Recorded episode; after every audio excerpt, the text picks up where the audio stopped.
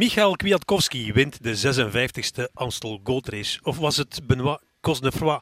We weten het door de finishfoto. De jury wist het niet op het moment dat ze het moesten bekendmaken. En ze gaven de jonge Fransman, of de Fransman, eh, de voorkeur op het allereerste moment. Vreselijk is het eigenlijk. Uh, vreselijk, ja, inderdaad. In deze plaats voor die renner, maar ook die families die thuis zitten, die mm genieten, die supporters die de lucht in springen, die renners van Avermaat die erbij kwam, die dachten: oef, oef, druk van, van mijn schouders, we hebben een klassieker gewonnen. Twee minuten later, wat zeg je? Twee seconden later. Mhm. Nee, nee, het is niet waar, we zijn tweede. Ja, doodjammer. Ja. De Herman Krootprijs voor de aanval, aanvalslustigste van de dag is voor Nathan van Hooijdonk. De prijs voor de domste van de dag gaat naar de juryvoorzitter? Uh, helemaal, ja. En je, eigenlijk, je bent resoluut, hè? Ja, ja, tuurlijk. Ja. Dit mag niet meer. Na vorig jaar mag dit niet gebeuren. Niet mhm. meer. Wacht dan, hè. Wat is het probleem? De renners wisten het niet. Geen van beiden. Nee, wacht dan. Wachten. Dus dat is toch makkelijk dan, hè? Dan wacht je even, hè. En er is maar één ding die dat kan bevestigen, en dat is die finishfoto. Dus vroeger doe je geen uitspraak. Nee, en dat, in dit geval was het duidelijk. Hè. 8, 9 centimeter was het zeker een velg. 6, 7 mhm. centimeter banddikte daar, daar, daar nog bij. Dus ja, daar kom je op, op uh, op die afstand. Ja, en het is erger voor Cosnefroy om niet te winnen dan het voor Kwiatkowski zou geweest zijn. Ook al zat hij ook in zak en as, maar die heeft wel een wereldtitel op zijn erelijst staan. Die heeft de Amstel gewonnen. Voor Cosnefroy zou dit het topmoment uit zijn carrière zijn. Ja, maar langs de andere kant klopt helemaal. Ja, klopt helemaal, want hij zit er tegenaan. Het is een hele goede renner. Wordt in Frankrijk toch wel beschouwd als de, de man na uh, Alaphilippe en nog een paar anderen in Frankrijk. Echt wel, echt wel goed, heel goed. Zeker voor dat klassieke gebeuren. Daartegenover stond Kwiatkowski. Moest het eigenlijk doen. Die ploeg had die de wedstrijd gedragen.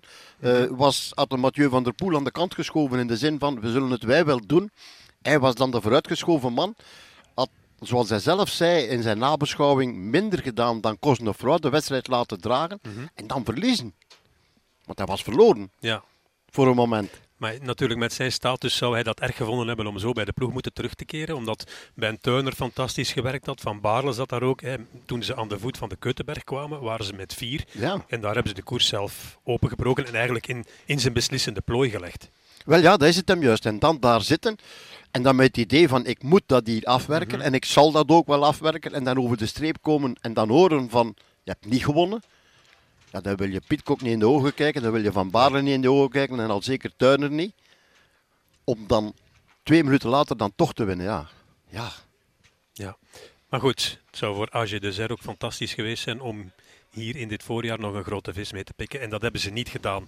Uh, Mathieu van der Poel, waarvan we dachten, ik vooral, uh, jij tekende voorbehoud aan. Ik dacht de wedstrijd is gereden nog voor hij echt gereden is met de conditie die Mathieu heeft.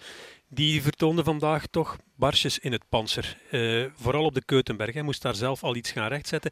En je merkte dan ook op het einde een paar keer een inspanning, maar de superfrisheid was er niet vandaag. Uh, nee, nee, inderdaad niet. Gaat dan toch nog die sprint winnen. Mm En gaat dan toch nog een paar keer ferm aanzetten. Daar helemaal naar het einde toe. Uh, maar we kunnen niet zeggen dat we de flitsende Mathieu van der Poel gezien hebben. En ik, zoals ik net al gezegd heb in Duitsland, ik zou wel eens willen weten wat we morgen voor krantenartikels en verhalen krijgen van een Mathieu die zegt van of bevestigt hetgeen wij nu denken, of er mhm. misschien iets anders is. Maar het was niet de flitsende Mathieu van der Poel waarvan we met z'n allen dachten die gaat hier met kop en schouders erboven steken. Dat was het niet. Ja. De Amstel Gold Race, 250 kilometer, iets meer. 33 hellingen, 3170 hoogtemeters. Heeft zijn reputatie bevestigd als echte afvallingsrace? Uh, ja, ja, zonder veel koers. Tempo van Tuiner, dat bleek nou wel meer dan mhm. lastig genoeg te zijn. Maar toch achteraan de deur open, de deur open, de deur open. En, en ja, allemaal stik kapot in stukken en brokken binnen, binnengekomen. Ja, mooie koers uiteindelijk. Heel laat in de finale, finale gaan, gaan rijden. En niemand die echt nog nog kon, ook niet bij de versnelling van, ja, want als je, je wist eigenlijk op voorhand als één van de twee gaat, het is, Kwik, eh, het is Kwiatkowski mhm. of het is Pitcock. Ja. Want er, waren maar, er, waren maar, mhm. er was maar één koppeltje. En dan moet, die moeten dan dit doen. En er was niemand die reageerde. We zagen het hier gebeuren voor onze neus. Ja. Heeft Pitcock nog een cadeau te goed van Kwiatkowski na zijn werk vandaag? Uh, ja, maar die zou er sowieso komen. Hè. Mm Kwiatkowski is op de terugweg zullen we maar zeggen. En is al vaak in een dienende rol getreden de laatste jaren. En Pitcock is, Pitcock is de opkomende man, dus die gaat zeker nog cadeautjes terugkrijgen. Hè. Ja. Hebben we veel mensen gemist? Hè? Want door de Ronde van het Baskeland, door de plaats op de kalender, waren hier een aantal coureurs niet die er anders wel zouden zijn geweest. Zou dat voor een andere koers hebben gezorgd? Het is altijd moeilijk te zeggen. Hè. We, denk, we gaan ervan uit van wel. Hè. Je gaat die dan met een Alaphilippe, misschien met een goede Rem, Remco Evenepoel. Mm Die hier een... Met eh, dat keren en dat draaien en dat wringen? Ooit, ooit wel, hè? We hebben hem geweldige dingen zien doen in de, in, de afdalingen. Dus ja, waarom, waarom niet, hè? Mm Ja, als we daar dan toch over moeten spreken, over Remco Evenepoel. Dat was toch de bedoeling, hè? Ja, tuurlijk. Maar we zitten een analyse van de Amstel te maken, maar we kunnen dat ook meepikken. Um, kijk, er is, er is heel veel te doen rond Remco, Remco Evenepoel, hè, maar hij is 22 jaar. Hij wordt vierde in de Ronde van het Baskeland, valt net naast dat podium. Ja, dan moeten we daar eigenlijk heel tevreden mee zijn, wij Belgen. Ja, we moeten daar heel uh, tevreden mee zijn, uiteraard. Ja. Maar ja, wij, willen wij meer? Wilt hij meer? willen met z'n allen meer, eigenlijk. Mm -hmm. En, en uh, door het feit dat we de, de lat, of men de lat zo hoog gelegd heeft, is alles wat daar niet in de buurt komt te weinig. En dat is eigenlijk jammer. Dat, is het. Hè? De referentie is het verwachtingspatroon. En dat verwachtingspatroon is gecreëerd toen hij 19 jaar was en de stap zette van de juniors naar de profs onmiddellijk. En hij ook bijna alles won, ja, die kleine ja, ja, rittenwedstrijden. Ja, ja. Polen, tot Polen toe, lastige wedstrijd. Hij won die allemaal. En van daaruit is dat verwachtingspatroon alleen maar gegroeid. Maar dan is er wel die zware val in Lombardije geweest. En dat mogen we ook niet zomaar wegcijferen. Dus echt wel heel content zijn met een coureur als Remco Evenepoel in ons uh, Belgisch wielergild. Ja, ja, en als je dan de wedstrijd gisteren ziet, dan denk je, nadien denk je, waarom moet je dan nog die sprint gaan voor die seconde? Waarom moet je er nog zo vol voor geven? Is dat slim?